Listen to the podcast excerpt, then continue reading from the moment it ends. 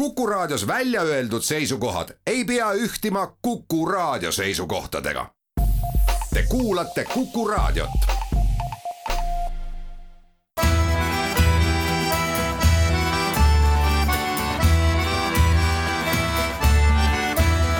Kirillitsas Eesti tere päevast, head raadiokuulajad, eetris on Kirillitsas Eesti, saatejuhiks nagu alati Pavel Jonov ja hea meel stuudios tervitada Kultuuriministeeriumi ühise inforuumi nõunikku Olga Sõtnikut. tere päevast! tere, Olga!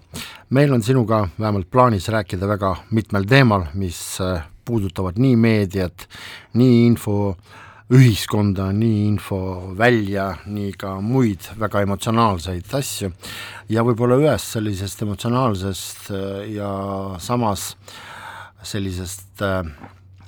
riigi võib-olla ühest murekohast alustakski äh,. sel nädalal venekeelses ajakirjanduses oli avaldatud üks selline juhtum,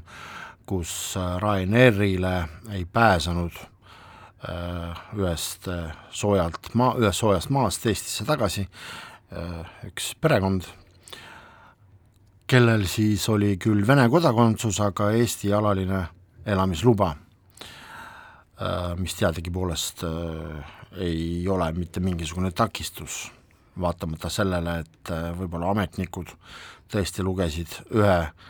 lause välja, et citizenship Russian Federation ja sellega oli nende jaoks case is closed, nagu öeldakse. samamoodi ka gate is closed kui niimoodi võib öelda, aga tegelikult ju probleem on äh, mitte ainult selles üks juhtumis vaid probleem on tegelikult laiem, ma mäletan ise, kuidas äh, mitu aastat tagasi ma isiklikult oma silmadega nägin, kuidas Egiptuses lennujaamas hallipassi omanikud, eestlased, olid vist, kui ma ei eksi, poolteist tundi täpselt samamoodi äh, võib öelda, et pantvangiks sellele segadusele, mis äh, toimus lennujaamas, kus neid siis, jah, neid väntsutati küll, ei olnud sellist otsest käsku, et te ei saa ja teiega on asi lõppenud, vaid äh, see väntsutamine käis, et välja selgitada lennujaama ametnike poolt, et mis asi see siis hall pass üldse on. ja tead, kui ma seda lugu nüüd siis juba selle Ryanairi juhtumi lugu nägin, lugesin, äh, tekkis järjekordselt minus selline emotsionaalne üleelamine sellest samast Egiptuse loost, kus mul oli piinlik, aga ma ei tea, mille eest kuidas sina nagu selgitaksid seda olukorda, et kas see on puhas minu inimlik reaktsioon või see on reaktsioon sellele, et meil tõesti siiamaani veel ühel või teisel objektiivsel või subjektiivsel põhjusel eksisteerib see halli passide institutsioon või on hoopis mingi muu põhjus, miks ma tundsin ennast väga ebamugavalt no mul on muidugi päris raske öelda, miks sina konkreetselt tundsid ennast äh, nii halvasti, eks ju, aga, aga ma saan täiesti aru nendest emotsioonidest, et tõepoolest, kui sa oled sellises olukorras, sa näed inimest, kes justkui nagu peaks tagasi tulema, ta ju kuidagi on jõudnud sinna soojale maale, eks ju. et, et sellel esimesel reisil mitte midagi ei seganud tal äh, pardale minemast ja, ja siis, ja siis tekib selline piinlik olukord. Äh, et jah, siin tekivad kah kahetised tunded, ühelt poolt noh, kui me räägime halli passi omanikest, kohe ma arvan, inimestel võib tekkida selline mõte, et no miks nad lõpuks ei ole selle kodakondsuse ära teinud, no te, sul oli nii palju võimalusi, eks ju, sa oled siin elanud tõenäoliselt üsna, üsna kaua, et võiksid juba ju selle keele ära õppida ja, ja selle eksami ära teha ja, ja siis reisida niimoodi nagu nii-öelda valge inimene ilma probleemideta igale poole, kuhu sa tahad minna et see on nagu üks pool, äh, teisest küljest muidugi ähm, jah, me, me oleme uurinud, miks inimesed ei ole seda teinud, me oma integratsiooni monitooringutest pidevalt küsime, et miks te,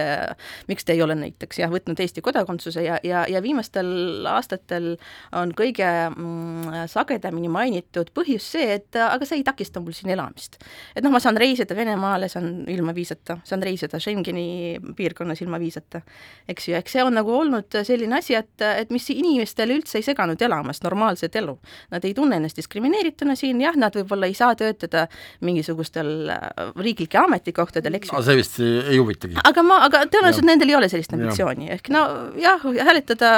parlamendivalimistel ka ei saa, aga no mis siis ikka, et noh jah. nii et, nii et jah, see, see, see on nagu see asi, et miks, miks inimesed ei ole teinud, võib-olla nüüd äh, peale seda, kui sõda algas, olukord veidi muutub, tegelikult ähm, ma just eile nägin ühte, ühte, ühte slaidi, kus oli statistika selle kohta, mm, et kuidas nüüd see kodakondsuse võtmine on edenenud sellel Nii. aastal ja huvitaval kombel, et sellel aastal on palju rohkem just Vene kodakondsusega inimesi, kes soovivad loobuda Vene kodakondsusest ja võtta Eesti kodakondsus. muidugi see võib osutuda nüüd üsna keeruliseks, äh, kuna Venemaa on äh, selline Iraani-taoline režiim juba ja me teame, et näiteks Iraani kodanikud ei saa mitte kuidagi oma kodakondsusest loobuda ja ma, ma, ma kardan, et see võib olla, aga noh, loodame, et paremad siiski, äh, et ehk mitte mitte nii, nii lähiajal see, see, see, see ei toimu, vaid, vaid, vaid siiski nendel inimestel, kes praegu sooviksid tõesti loobuda ja nendel on õigus äh, saada siis äh, Eesti kodakondsuse, nad, nad selle, selle, sellega saavad. ehk äh, ehk jaa, Vene, Vene kodanike arv, kes soovivad äh, saada Eesti kodanikeks, on kasvanud äh,. Võib-olla aasta lõpuks see number on veelgi, veelgi suurem äh, ja võib-olla nüüd, kui neid selliseid juhtumeid reisimisega tuleb üha rohkem ette ja nii, need inimesed, kes on seotud noh, tööalaselt näiteks reisimisega, näevad, et tõepoolest iga kord sa, sa võid kokku puutuda selle riskiga, et see, et see põhjus võib neid kuidagi mõjutada, see, see samm ära teha ja, ja siis taotleda Eesti kodakondsuse ja loobuda sellest hallist passist või Vene kodakondsusest. mitte soov seost suhestada riigiga, vaid puhas pragmaatika. pigem jah, pigem see, see, see, see võib olla see pragmaatiline põhjus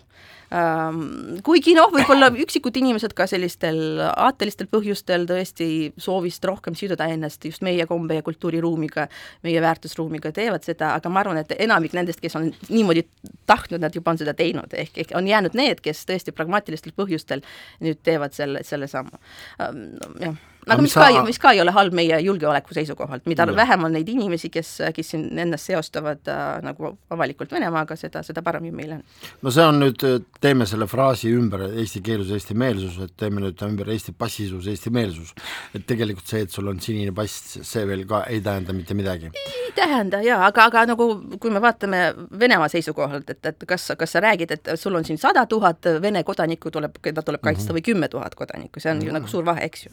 aga ütle, kas selles situatsioonis oleks paslik küsida ka riigi käest, et et ega te ei tahaks nagu seda süsteemi, hallipasside süsteemi äh, muuta või, või, või, või see on puhas individuaalne? Erinevatel erakondadel on erinevad seisukohad selles osas, et mõned ütlevad, et jah, me peame selle halli passi asja ära lõpetama, on olnud ka konkreetsed ettepanekud ja anname ala ühe aasta, mille jooksul näiteks need inimesed saavad tõesti mingisugust väga lihtsustatud korras sellest hallist passist loobuda, võtta Eesti kodakondsuse, on need, kes on vastupidisel seisukohal, kes arvavad, et meie kodakondsuspoliitika peab nagu olema äh, nii äh, no nii jäik ja nii jäik ja nii nagu põhimõtteline, nagu ta on olnud, no vähemalt vähemalt me, hea on see, et me enam ei tooda juurde neid halli passi inimesi, ehk need lapsed, kes sünnivad äh, perekondadesse, kus on halli passiga emad-isad, et nemad siiski saavad Eesti kodanikeks, see on nagu üsna, üsna hea asi juba, et, et me, et me enam uusi halli passe ei anna. aga, aga jah, siin on jah, si-, siin on nagu arutelu olnud, et, et mis, mis on kasulikum, mis on parem ja, ja erinevatel poliitilistel parteidel on erinevad seisukohad ja võib-olla kui kunagi on koalitsioonis sellised parteid, kes arvavad tõesti, et võiks nagu ära lõpetada selle, selle jama nende halli passidega, mis oli ju kunagi mõeldud sellise väga ajutise instrumendina siis, kui Eesti Vabariik taastati. siis see asi saab tehtud, aga, aga noh, seni, kuni seda poliitilist tahet ei ole, toimetame teistmoodi, näiteks Integratsiooni Sihtasutus pakub nii kodakondsuseks ettevalmistamise kursusi kui ka eesti keele kursusi, kus inimesed saavad, ähm, ka on nüüd see uus kodakondsusleping, mis, mis, mis, mis loodi äh, selline, selline asi, nii et neid võimalusi, kuidas kuidas saada Eesti kodanikeks, kui on sul kõik muud äh, eeldused olemas, on, on täitsa olemas, nii et äh, et ühelt poolt jaa, võib-olla ametnikuna ma ütleks, et oleks palju lihtsam, kui meil seda ei ole, sest iga aastal me peame erinevatele rahvusvahelistele organisatsioonidele selgitama, et miks meil on need halli passi inimesed äh,, mõned organisatsioonid arvavad, et, et neid diskrimineeritakse ja, ja, ja neil ei ole neid nagu õigusi, millest ma juba rääkisin eelnevalt, et, et, et jah, see oleks nagu väga suur asi, kui me ühel hetkel mingisuguses ÜRO komisjonis ütleksime ja, ja ka Vene delegatsioonile, kui ta on veel seal, et vaadake, kõik, meil on probleem lahendatud, te ei saa enam meid mitte kuidagi kritiseerida. aga, aga jah, selleks on vaja poliitilist tahet.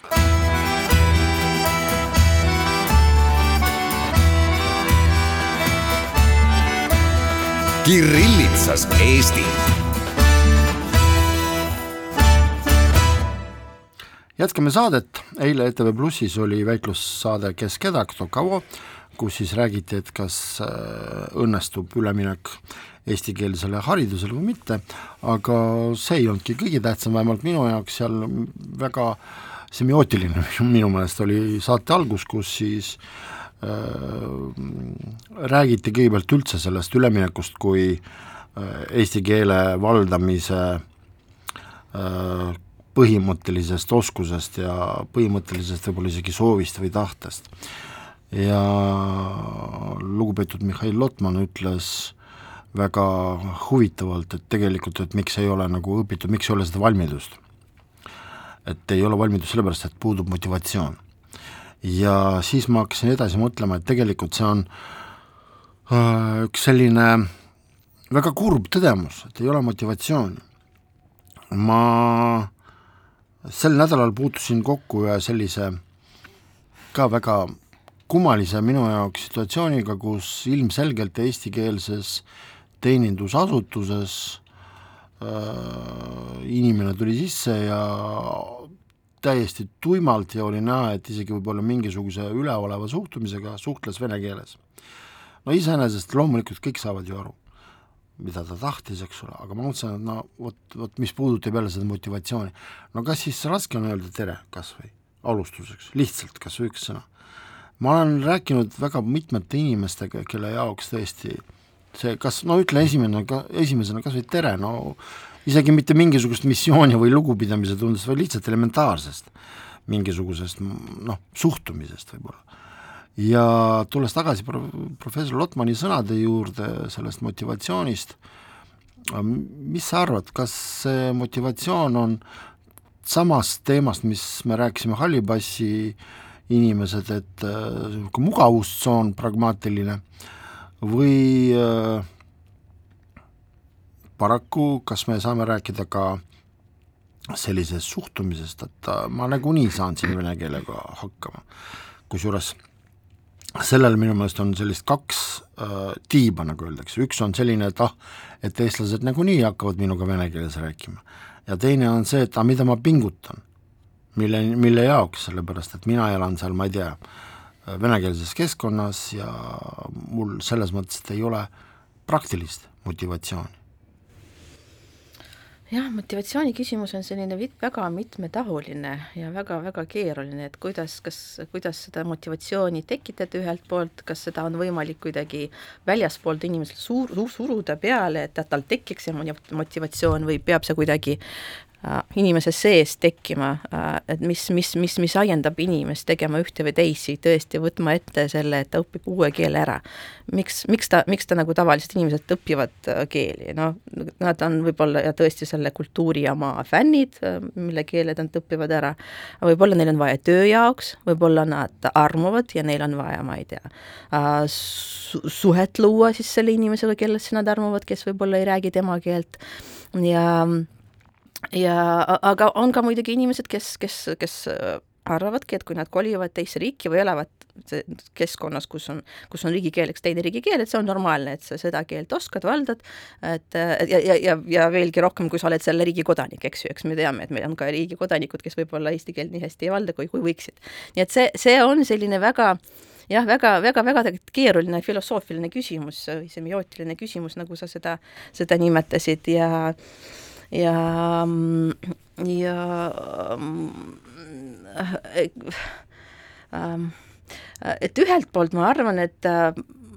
peaksime siiski mm, ähm, ütlema igal pool seda, et Eesti riik on selline riik, kus igal pool, sõltumata sellest, kus sa oled Tallinnas, Lasnamäel või Narvas, sa pead saama teenindatud eesti keeles eks ju. ehk, ehk sellepärast need inimesed, kes nendes teenindusasutustes töötavad, peavad oskama eesti keelt, sõltumata sellest, et isegi kui nad on Narvas ja, ja neil võib-olla on üks või kakssada eestikeelset klienti, kes sinna satuvad, aga nendel ikkagi on õigus saada Eesti riigis eestikeelset teenindust ehk, ehk see on nagu selline tööalane motivatsioon, mis peaks nendel inimestel, mis nendel inimestel olema. Äh, kes, kes, kes, kes siis kes siis teenindavad, noh siin sa rääkisid ühest teistsugusest olukorrast, kus olid eestikeelsed teenindajad ja vene inimene, me ei tea, mis tema taust on, eks ju. Äh,, miks ta, miks ta ei tahtnud rääkida, kas sellepärast, et ta võib-olla alles jõudis siia, võib-olla ta ja üldse ei oska ühtegi sõna, kuigi noh, sõna tere on üks selline ühest sellistest sõnadest, mida igaüks võiks, võiks teada, kes ei, oli, oli ilmselgelt näha, et inimene elab siin väga kaua. kaua jah, no, no vot, et aga võib-olla see on ka selline imperialistlik suhtumine, et mis on päris paljudel inimestel jätkuvalt olemas, kes äh, eriti vanemaealistel, kes, kes on jah tulnud sellest Nõukogude Liidust, mis oli suur, suur riik ja, ja, ja vene keel oli, oli see imperialistlik keel, mida kõik pidid oskama ja, ja see, see nagu jätkuvalt kandub ja elab mõnede inimeste peades, eriti kui nad, kui nad jälgivad äh, seda Vene meediat, kus äh, kus, kus, kus seda ka ju praegu väga, väga, väga push itakse, seda narratiivi, et, et Venemaa on nagu äh, suur, suur maa, suur riik, impeerium ja, ja, ja Venemaad tuleks veelgi laiendada ja nii edasi, nii et siin võivad väga erinevad, väga erinevad põhjused olla, et jällegi väga raske on leida seda üht, üht, üht nagu kurja juuri ja seda välja juurida, vaid, vaid, vaid siin tulebki tegeleda erinevate inimestega ja, ja mõnede inimestega, kellel on sellised, sellised suhtumised ja hoiakud, no, no neid on päris, päris keeruline muuta. ja ma arvan, et me peaksime oma, oma jõudu suunama ikkagi nendele noorematele inimestele, kel, keda on veel võimalik ümber õpetada just läbi haridussüsteemi, seetõttu ma arvan, et see hariduse, haridusreform on väga oluline ka selle mentaalsuse ja, ja motivatsiooni eh, muutmiseks nendel noorematel inimestel. aga mäletad, siin paar aastat tagasi oli selline, no mitte just üleskutse, aga sellelaadne, et, et eestlased, et ärgem rääkigem vene keeles, eks ole, et eh, noh, see ei ole muidugi sama, mis natukene tobedad üleskutsed, et lõpetame riigis venekeelse kommunikatsiooni äh, ära, aga ma hakkasin mõtlema, et huvitav, et milline oleks nagu see reaktsioon inimestel, et kui tõesti mitte keegi enam äh, ei suhtleks vene keeles, mitte meelega, et ei näitaks oma pahameelt välja, vaid ütleme niimoodi, et kõik toimuks viisakuse piires, et tuleb inimene sisse, ütleb, et äh, Здравствуйте, ma ei tea, seal Sergei здесь на месте, talle vastatakse viisakalt, aga kõik käib eesti keeles. et selles mõttes, et ta ilm, ilma infota ta ei jää. loomulikult, kui ta ütleb, et teate, vabandust, et ma olen, ei ole üldse Eestist ja ma ei tunne, eks ole, eesti keelt, no siis on selge. aga noh, et mis sa arvad, kas see viiks kuhugi või see oleks äh, minu poolt välja pakutuna samasugune totrus, nii kuidas ma ütlesin?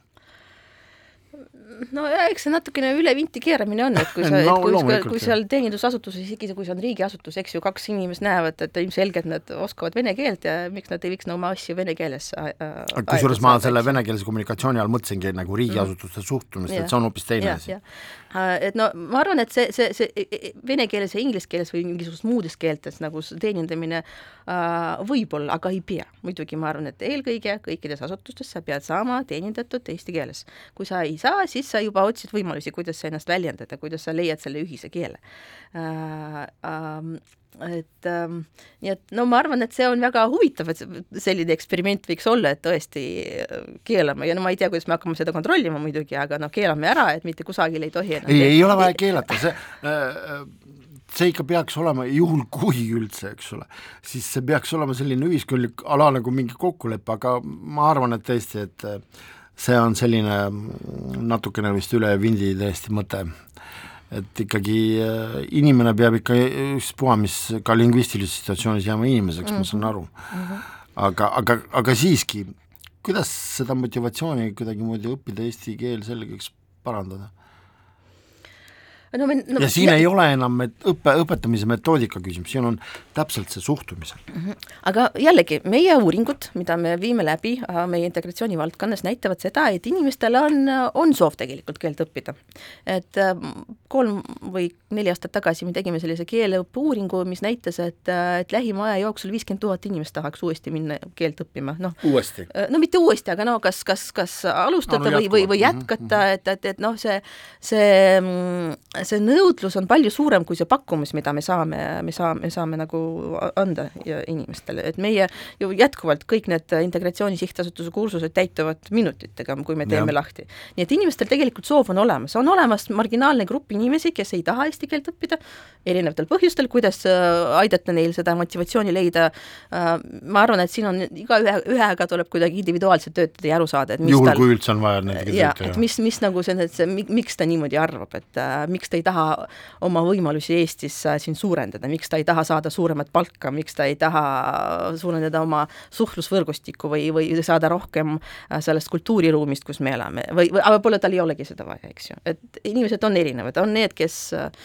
kellel on suuremad ambitsioonid, on need, kes täiesti piirduvad oma perega, oma, ma ei tea, aiaga, lähevad seal, panevad kartulit, pärast koristavad ja, ja tal ei ole üldse mitte mingit suhtlust vaja. ja, ja, ja, et äh, see kartulitega ta ei räägi. just, aga, aga jaa, statistika näitab, et ühelt poolt kasvab nende inimeste hulk, kes tahaksid eesti keelt õppida, teisest küljest äh, kahaneb nende inimeste arv, kes üldse ei valda keelt. et kui veel üheksakümnendates see oli mingi kakskümmend, kolmkümmend protsenti, siis nüüd on alla kümne. nii et nende inimeste hulk, kes enda hinnangul ei valda üldse, see kahaneb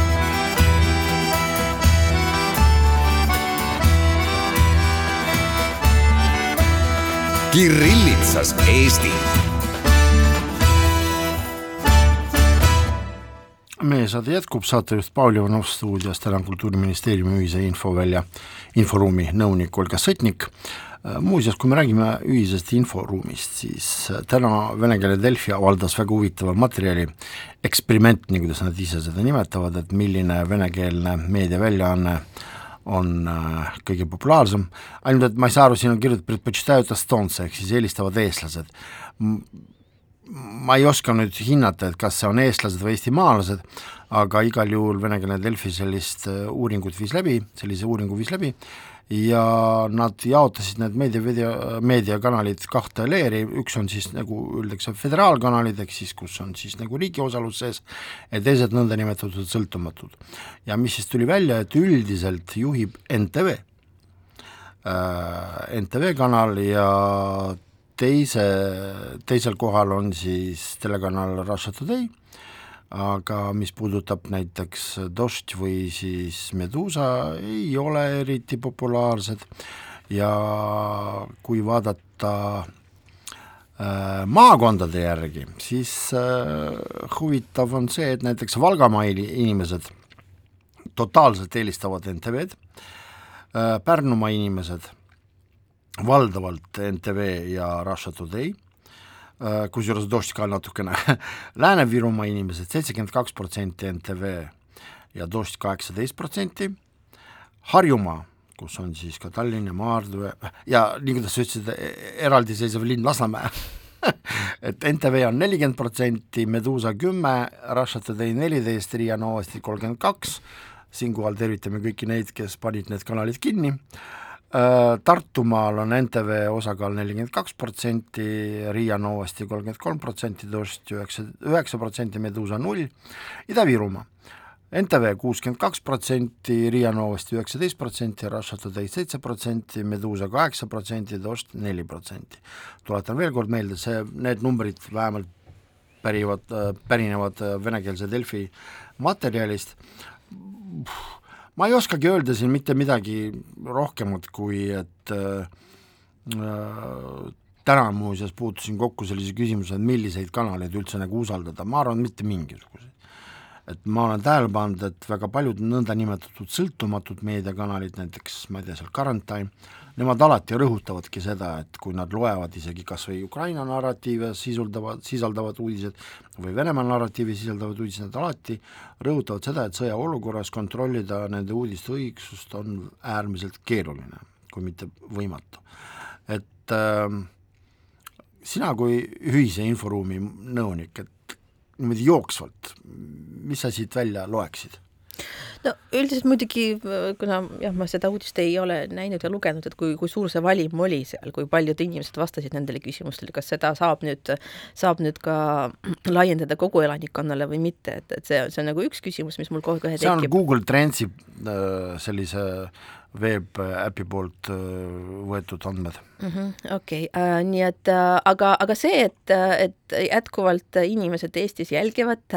Vene föderaal, nii-öelda föderaalkanaleid, mis on afilieeritud Vene võimudega, seda me, seda me teame, et jah, ühelt poolt me panime neid ametlikult kinni, aga inimesed vaatavad, vaatavad internetis või vaatavad mingisuguste uh, vidinate kaudu, mida saab ju praegu osta mm. igal pool, Google Chrome'id ja, ja nii edasi, nii et, et see on, see on jätkuvalt probleem uh,, kuidas neid sealt uh, välja saada. me ei tea muidugi, et kui nad vaatavad, kas nad neid ka usaldavad, seda, mida nad seal vaatavad. Ja me ei tea, milliseid, millise, milliseid, milliseid äh, saateid nad sealt vaatavad, kas on... nad on mingisugused seebi, seebikad,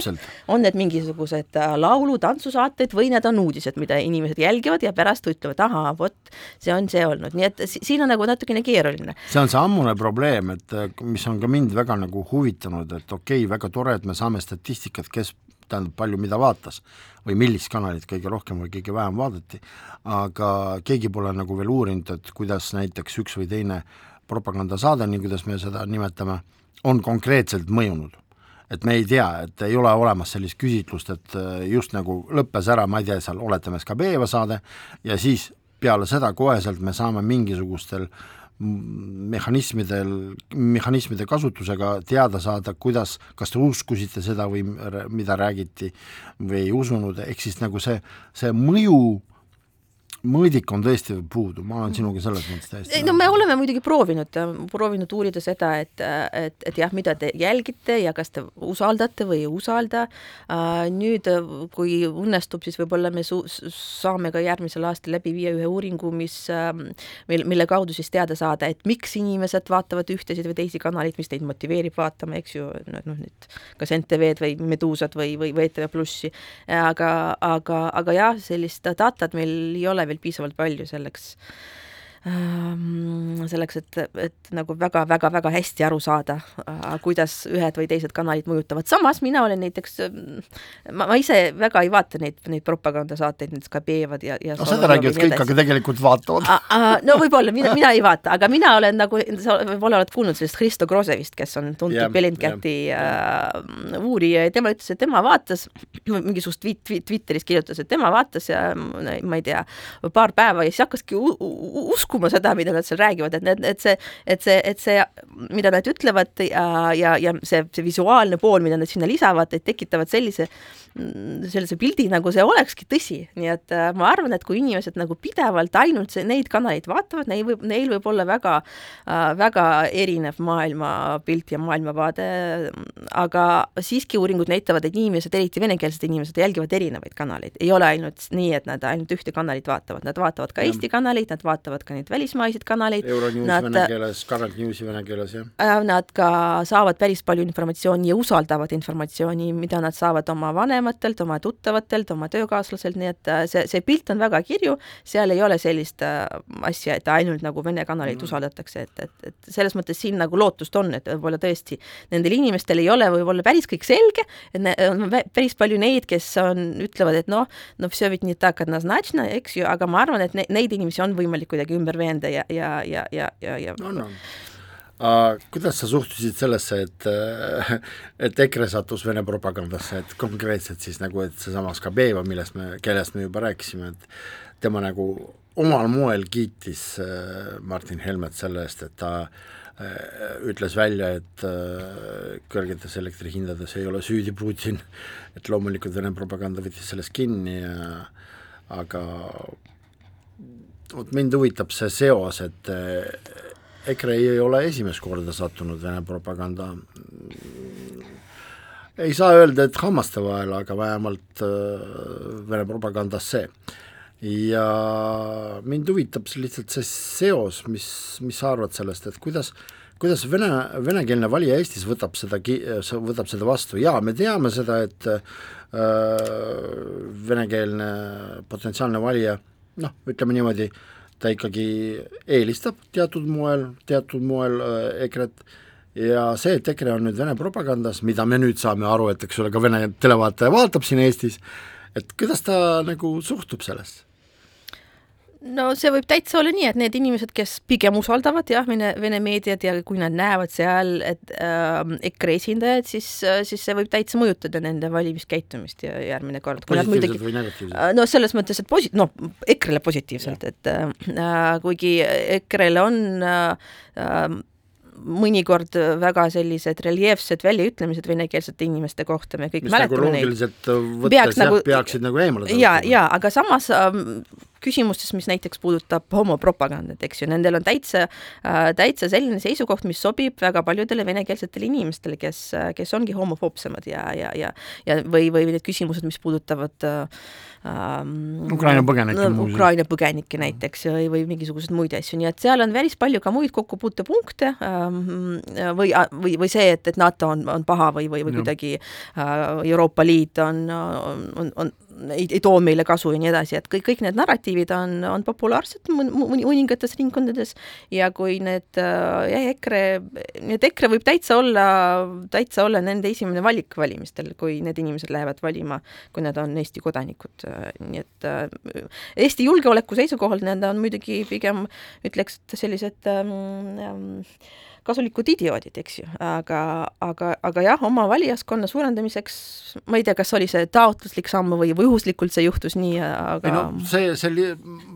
oletame, et see ei olnud, eks ole mm, -hmm. taotluslik, siis kindlasti ta haakub selle narratiiviga, et no ei ole tõesti Putin kõiges süüdi, ma mõtlen Venemaa propaganda poolt ja siis, kui meie nii kuidas sa ütlesid, kasulikud idioodid sedasama kordavad, siis loomulikult see võetakse, korjatakse üles ja siis tiražeeritakse selles mõttes, et on äh, sul õigus, aga muidugi siin tekib jälle see küsimus, et kui kui me ei tea, kuidas mõjub konkreetselt äh, Solovjovi saade inimestele, siis täpselt samamoodi me ei tea, kuidas äh, EKRE liikmete sattumine Skabeva saatesse mõjutab venekeelset potentsiaalset valijat, tõesti, me seda ei tea. jaa, seda oleks väga huvitav uurida, aga ma arvan, et keegi ei hakka ka, ka, kasutama raha selliste uuringute läbiviimiseks. ma sel nädalal jälgisin meie ühist inforuumi ja mul jäid silma kaks sellist äh, momenti. esimene moment on see, et äh, kuivõrd äh, jõuliselt äh, olid ka eestikeelsetes meediakanalites äh, püstitatud küsimused metropoliit Jevgenile. ja mul õnnestus eelmisel nädalal temaga vestelda, sellest oli ka pikem lugu äh, nädalavahetuse Aktuaalses Kaameras venekeelses, ja peale seda ta on andnud veel rida intervjuusid, jah, ERR-i enamuses äh,, aga mul tekkis selline küsimus, et äh, kui selgus, et tegelikult on avatud suhtlemisele ja oma positsioonide selgitamisele, miks siis nüüd, miks siis ei tekkinud sellist huvi tema vastu eestikeelsetes meediakanalites? raske öelda, et kus jaa, Pealtnägija võttis, aga ta võttis, eks ole,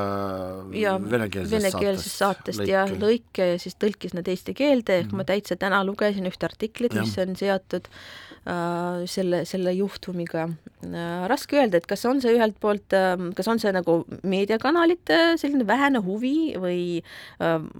või on see metropoliidi selline seisukoht, et ei tahaks vene, eestikeelsete kanalitega suhelda, seda ma ei oska öelda, mul on seda ma sain aru niimoodi, et äh, kuna lihtsalt ta ei ole Eestist pärit, siis tema suhtluskeel on vene keel mm -hmm. ja see, mulle tundus, et ta on avatud selles mm -hmm. mõttes, et ta vist eriti ei teinud mingisugust äh, vähemalt rahvuskeele pinnal meedias ta eristust kindlasti ei teinud. võib olla see, et nüüd äh, nad, äh, see Moskva õigeusu kirik saatis, saatis kirjaliku vastuse Siseministeeriumi pöördumisele ja sellest oli juttu, võib-olla sellega pidasid, pidusid ja sellega pidasidki eestikeelsed kanalid seda lugu ehk siis, lõpetanuks. Äh, seni, kuni seda ei olnud, siis oli vaja closed. nagu kogu aeg rünnata, äh, siis kui tekkis äh, olukorra lahendus, siis ja. mitte keegi nagu enam huvi ei tunne selle teema vastu no,. tõenäoliselt küll, kuigi äh, ja jälle täna hommikul kuulasin ühte Siseministeeriumi podcasti, mis oli just äh, äh sellest, sellest samast olukorrast, et soovitan, teen natukene reklaami, et kui tahate ametnike seisukohti kuulata nüüd selles küsimuses, siis, siis saab seda teha selles Siseministeeriumi podcastis äh, ja ja tundub, et ka hetkel on ka riigiametnike jaoks see olukord lahenduse leidnud. Äh, seni, kuni võib-olla nüüd äh, järjekordselt Moskvas mingisuguseid huvitavaid signaale ei tule äh, kiriku, kiriku poolt, siis ei ole välistatud, et uuesti hakatakse suhtlema, jälle hakatakse uuesti küsima ja, ja saatma päringuid ähm, et mis, mis on Tallinna, Tallinna Moskva õigeusu kiriku seisukoht.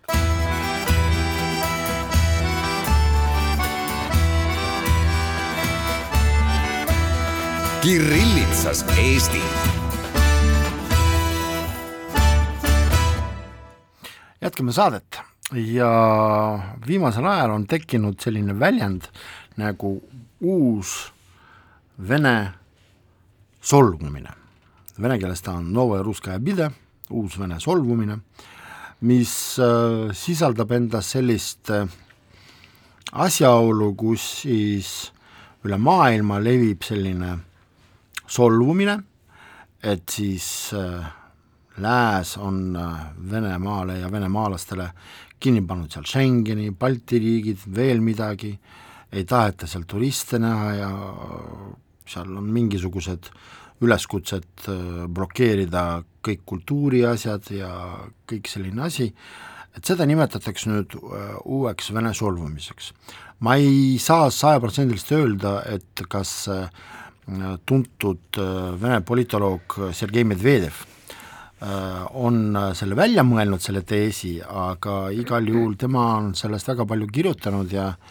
ta on ka selle aasta maikuus andnud pikema intervjuu Postimehele, kus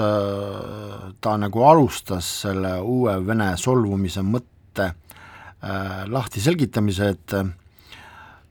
kus ta nagu rõhutas just seda, et selline et venelastel pole kunagi olnud rahvuslikku eneseteadvust, ainult imperiaalne. ja mis sa arvad sellest Vene uuest solvumisest ja kas sa näed neid ilminguid ka siin Eestis? Ma ise isiklikult ei ole selliste olukordadega kokku puutunud, mis muidugi ei tähenda, et neid ei ole olnud, eks ju, ja tõenäoliselt selline, selline jah, see solvumise narratiiv jällegi praegu levib äh, just nendel uusimmigrantidel, kes, kes siia tulevad või kes tahaksid tulla, aga ei saa tulla. Äh, jah, justkui me neid äh, kuidagi ebavõrdselt kohtleme ja ei anna ja, neile võimalusi. tudengitele ja, ei anna võimalust õppida seal Äh, seesama Schengeni viisa, eks ole, siis võib-olla ka mingid muud ilmingud, mida seesama muuseas metropoliidi ümber käiv või siis äh, see, mis oli, eks ole, et seda ka nimetatakse mingil moel üheks põhjuseks, miks on vaja solvuda no, no jaa äh,, ma nagu inimlikult saan aru, et nendel inimestel on väga palju probleeme tekkinud nende igasuguste piirangute, sanktsioonide ja, ja muude äh, piiravate regulatsioonide pärast, aga, aga ma arvan, et nende, need inimesed võiksid siiski ka aru saada, et miks on see juhtunud, et no kuni, kuni kahekümne neljanda veebruarini äh, tegelikult äh, tegelikult äh, kõik oli ju korras äh,, mitte mingeid probleeme ei olnud, ehk, ehk see Putini poolt algatatud sõda oli ajendiks, miks äh, niimoodi suhtutakse äh, Vene äh, kodanikesse ja vene kultuuri mõne, mõnes kohas, vene keelde mõnes kohas üle maailma, et no kuigi ma, ma, mulle tundub, et, et, et, et et siiski suhtutakse normaalselt, on olemas mõningad võib-olla väljaütlemised, mõningad äh, sellised ekstreemsemad seisukohad, äh, äh, no mõned ka rangemad regulatsioonid, no kui me räägime Eestist, aga no Eesti puhul ja Läti ja Leedu puhul siin on, siin on selline vahetu julgeolekuoht, me siiski oleme piiri, piiri, piiripealne riik, ehk meie olukord siin on hoopis midagi muud, kui ta on Berliinis või Pariisis, kellel ei ole sellist, sellist naabrit nagu meil. mistõttu ma arvan, et meie puhul on see täiesti põhjendatud, et me oleme niimoodi ennast äh, praegu mm, sulgenud äh, teatud inimestele Äh, aga, aga noh, maailmas on kakssada riiki, eks ju, ja tegelikult Venemaa kodanikud saavad reisida väga paljudesse riikidesse ilma viisata, ilma probleemideta, mõnedesse isegi ka ilma selle välispassita, mis on neil olemas äh,. nii et äh,, nii et äh, teine asi on see, et kas nad saavad sinna lennata ähm, muuseas. no ja, ja see lend-, no aga no läbi Iraani võib-olla saavad või no, mingisuguse läbi Nicaragua, et äh, kõik on ju võimalik, kui väga, kui, kui väga tahta kui väga tahta, kui ka praegu ka need Kasahstanid ja Gruusiad juba mõtlevad selle peale, et äkki peaks mingisugused piirangud äh, tegema, sest aga sest, mitte ideoloogilistel põhjustel, vaid sellepärast, et no kvantitatiivselt neid on juba väga palju. jaa, jah, jah, mitte ideoloogiliselt, aga, aga pragmaatilistel põhjustel, sest neid on väga palju ja, ja, ja nende, nemad juba hakkavad mõjutama seda ühiskondlikku elu, äh, äride toimimist ja toimetamist ja nii edasi. nii et ähm, jah, see on selline äh, see, see uus solvumine on vist äh, ajendatud sellest, sellest olukorrast, mis praegu on. Äh, kuigi ma arvan, et ka ennem sõda Vene propaganda ja Vene võimud kasutasid seda, seda solvumise narratiivi justkui nagu neid ei kuulata, neid ei, nendega ei arvestata. Ja et ja see eriti oli suunatud ähm, sissepoole ehk oma valijaskonna mõjutamiseks. me oleme erilise staatusega, no see üldse, see Venemaa eriline roll ja eh, maailma ajaloos ja, ja, ja, ja see tsivilisatsiooniline roll ja nii edasi, et et see on ka varem olnud, nüüd on sellele veel üks nagu selline tahk juurde tulnud ja, ja, ja mm, nii et ähm, jah, see, see võib-olla, see võib-olla see hakkabki veelgi rohkem kasvama, selline, selline solvumine kogu maailma peale, ei ole välistatud, ei ole välistatud, et ka need inimesed, kes võib-olla on olnud neutraalsed vähemalt meie lääne äh, suhtes nüüd äh, rohkem sulguvad ja kapselduvad ja, ja tige, tigedaks muutuvad, aga, aga noh, siin tuleb kuidagi nendeni viia, et, et see ei ole lihtsalt niisama, vaid see on reaktsioon sellele julmale sõjale, mis käib. aga äh, kas Ukrainas. lähtudes integratsiooni väljakutsetest näiteks siin Eestis, et kui keegi venekeelsetest inimestest tunnetab sedasama hirmu ja kellel võib-olla süveneb see uus vene solvumine, et kas on mingisugunegi võimalus äh, või ei ole seda võimalust, et öelda, et kuulge, et ega me ei hakka teid kuidagimoodi, ma ei tea, seal represseerima. no see, see oli välja öeldud kohe esimestel sõjapäevadel ja. Äh, riigiametnike ja ka poliitikute poolt, et meie teeme nagu selget vahet, teie äh, ma mõtlen nagu teie mm -hmm. venekeelsete inimeste, olgu, kes te olete, kas Vene kodanikud või, või halli passi inimesed või, või või, või, või Eesti kodanikud, kel, kelle emakeel ei ole eesti keel ja nende Vene, Vene, Vene, Vene, Venemaa režiimi vahel, et, et need on kaks erinevat asja. Kotleta отдельно, muhhi отдельно, eks. no nagu ka Juhan Kivirähk täna kirjutas, et jaa, vene, vene režiim ja vene keel ei ole, ei ole üks ja sama, no ja väga hea artikkel, soovitan sulle, mina ka täna lugesin, tõesti väga-väga mõistlik, väga mõistlik arvamus, nii nagu ka mm, siin Manuela Pihlapi lugu oli kunagi kusagil seal Delfis avaldatud sama, umbes sama, sama sisuga äh,. nii et äh, jaa äh, kuigi jah, kõlavad sellised äh, eriarvamused, et keelame nüüd vene keele ära ja, ja, ja justkui nagu kõik vene, venekeelsed inimesed peaksid häbenema ja, ja mitte kasutama seda vene keelt, aga, aga see ei ole mõistlik ja mitte mit, mit, mit, mitte kuskile ei vii, et Olga, ma tänan, et leidsid aega tulla stuudiosse, tuletan meelde, et stuudios oli täna Kultuuriministeeriumi ühise inforuumi nõunik Olga Sõtnik, aitäh kõikidele kuulamast, saatejuht oli Pavel Janov ja kohtume nädala pärast taas.